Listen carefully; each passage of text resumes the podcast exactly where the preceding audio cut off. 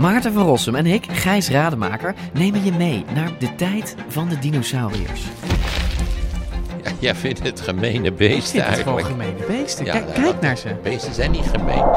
We zijn het eigenlijk nooit eens. Maar T-Rex is toch veel sexier. Nee, ik vind de kakkerlak net zo sexy als T-Rex. Ja, ik zie dat je daar moeite mee hebt. Voor iedereen die vroeger al van dino's hield en nu nog steeds een beetje, luister naar DinoCast.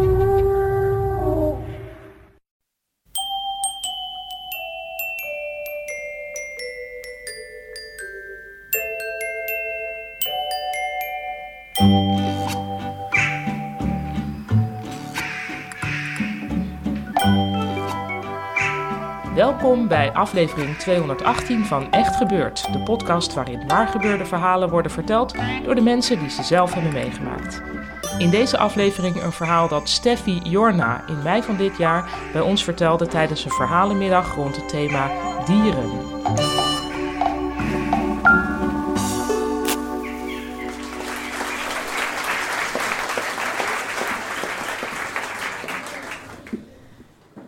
Ik was 16 en woonde bij mijn ouders in Bokstel. En ik werkte in een restaurant, in een steengeel restaurant. Samen met andere 16-jarigen. Het was echt zo'n stamprestaurant. En dat zat iedere avond helemaal vol. Ze hadden meerdere locaties. En eh er was die avond ook een eh, bruiloft aan de gang. En ik liep met een grote stapel borden door de binnentuin heen. En toen zag ik in mijn ooghoek een heel klein vogeltje op de grond. En ik had toen nog geen verstand van vogels. Maar ik kon wel zien dat het een jong vogeltje was. Dus ik dacht, daar moet ik wat mee. Dus ik heb hem in een eh, doosje gestopt en hem naar de afwas gebracht. En heb ik hem daar eh, netjes even weggezet tot eh, na mijn dienst. En na mijn dienst heb ik hem mee naar huis genomen. En ik kwam thuis met dat vogeltje. En mijn oma was die, dat weekend bij ons. Mijn ouders waren een weekendje weg. En ik open die doos en mijn oma zegt: Stef, je moet niet teleurgesteld zijn als dit vogeltje morgen dood is, want hij ziet er niet uit. En dat klopte ook, want hij had zo'n hele grote gele snavel en heel weinig veren. Maar dat kwam natuurlijk omdat hij jong was. Dus ik zeg: Nee, oma, dit komt helemaal goed. Dus ik ben eh, diezelfde avond nog, het was natuurlijk al donker, ben ik naar, eh, naar het veld gegaan met een schep. En heb ik daar eh, wormen uit de grond gegraven. Zo'n emmer water eroverheen, je kent het wel, met een beetje zeepsop erin. En ehm, die heb ik hem gevoerd. Nou, en de volgende ochtend was hij er nog. Hij had dus de eerste nacht overleefd. En eh nou, Shanky die, die volgroeide. Het werd een volwassen vogel met een volwassen verenkleed. En ehm, ik gaf hem ook vliegles. Dus ik nam hem mee naar het veld. Nam ik hem mee naar het veld. Ik had echt geen idee wat ik moest doen. Maar eh, ik dacht, ik doe maar wat. Dus ik gooide hem zo heel hoog in de lucht. en de eerste keer kwam hij zo poing, met zijn snavel in de grond weer eh, terecht. maar na, na een aantal keer ging dat wel beter. Dus eh nou, Shanky die kon op een gegeven moment vliegen. En eh, ik haalde steeds krekeltjes voor hem bij, eh, bij de dierenwinkel. Maar dat kostte me natuurlijk allemaal hartstikke veel geld. Dus ik dacht, hij moet ook gewoon zelf leren eten. Dus dan nam ik hem weer mee naar het veld waar hoog gras stond. En dan haalde ik hem zo, hield ik hem vast en nam ik hem zo mee over de bloemetjes heen, zodat hij die vliegjes en mugjes van de, van de bloemetjes kon eten. Nou, dat was Shanky. Maar Shanky was ook heel brutaal. Die, eh, iedereen in de wijk wist dat hij van ons was. Hij trok dus ook de, de rubbers van de ruitenwissers van de auto trok die, eh, trok die eraf. Hij is ook ooit eh, met een heel belangrijk moertje, is die, eh, toen mijn vader onder de auto lag te sleutelen, is hij met dat moertje het dak van de buren opgevlogen. Nou, die zag je natuurlijk nooit meer terug. Nou, die, die werd volwassen en die ging een beetje zijn eigen weg. En ik ook. En ik, had, ik kreeg een vriendje, Jeroen uit Vught. En eh, ik ging met Jeroen voor het eerst eh, alleen op vakantie. Wij gingen naar Egypte toe, naar zo'n verschrikkelijk eh, all-inclusive ding. Dat was toen natuurlijk helemaal leuk. Nou, dat was een hele leuke vakantie. Het was in de herfstvakantie, dat weet ik nog. En we komen na een weekje terug. We, zetten, we komen de oprit op. En ik wil aanbellen. En eh, nog voor ik kan aanbellen, doet mijn vader de deur al open. En die kijkt me aan en hij, hij heeft een beetje eh, natte ogen. En hij is even stil en hij zegt... Stef, ik zal het je maar meteen vertellen. Shanky is dood. Dus mijn wereld verging natuurlijk. Het was mijn, mijn vogeltje die ik zelf had opgevoed. Die met mij mee op mijn schouder de hond uitliet. En die op mijn, het stuur van mijn fiets zat als ik aan het fietsen was. En als je dan heel hard remde, dan ging het zo oeh oeh. Maar die was dus niet meer. En hij zegt, ik weet niet wat er is gebeurd. We hebben hem dus niet meer gezien. Maar we hebben hem met de hond uitlaten hebben hem gevonden in het veld. Hij lag daar. Maar we hebben hem voor je bewaard. Hij ligt in de vriezer. Zodat we hem samen kunnen begraven. Dat was verschrikkelijk. Dus ik, uh, gewacht op mijn broertjes thuis waren.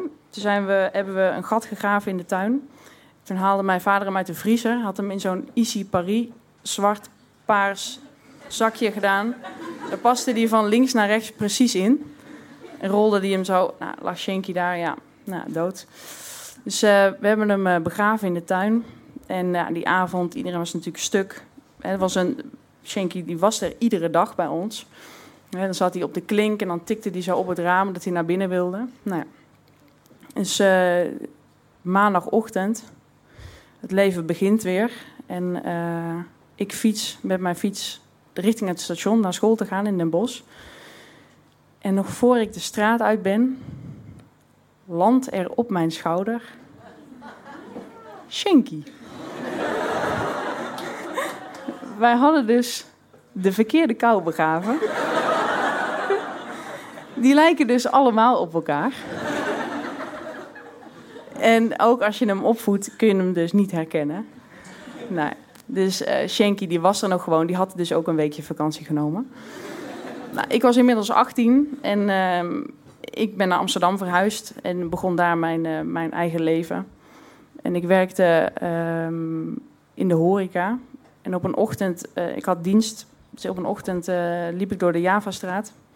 En ehm, daar zag ik op de grond een klein vogeltje. Ik dacht, daar gaan we weer. Dit was een, een heel klein vogeltje. Ik dacht toen dat het een geel bosje was, maar die bestaan helemaal niet. Het was een uh, koolmeesje. ja, het was ja, een geel bosje. Dus ik dacht, nou... Nee, dat, het was een koolmeesje. Dus ik heb hem weer meegenomen en uh, naar het restaurant. Dit keer niet bij de afwas, maar achter de bar in een doos neergezet. En dierenambulance gebeld.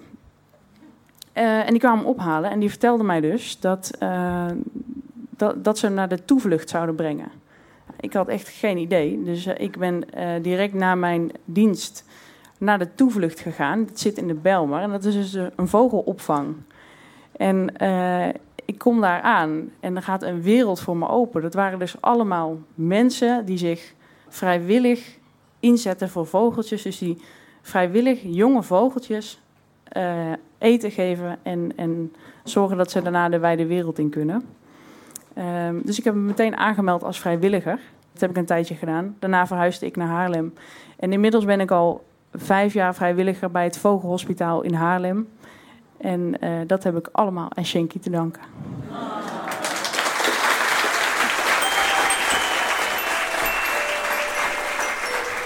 Je hoorde een verhaal van Steffi Jorna. Steffi is werkzaam als dierenartsassistent en daarnaast is ze kunstenares. Ze maakt vooral kleurrijke inkttekeningen op papier van vogels. Kijk voor een indruk op haar website steffijorna.nl. En Steffi schrijf je zonder E op het eind, dus S-T-E-F-F-I. En dan Jorna zoals je denkt dat je dat schrijft. En kijk dan meteen ook even op www.echtgebeurd.net, want daar zie je ons hele programma voor dit seizoen. Met alle data van de verhalenmiddagen in Comedy Club Toemler in Amsterdam en alle thema's van de verhalen. Is er een thema bij waarvan je denkt, daar heb ik een mooi verhaal over? Geef je dan als de wiede weer ga op als verteller.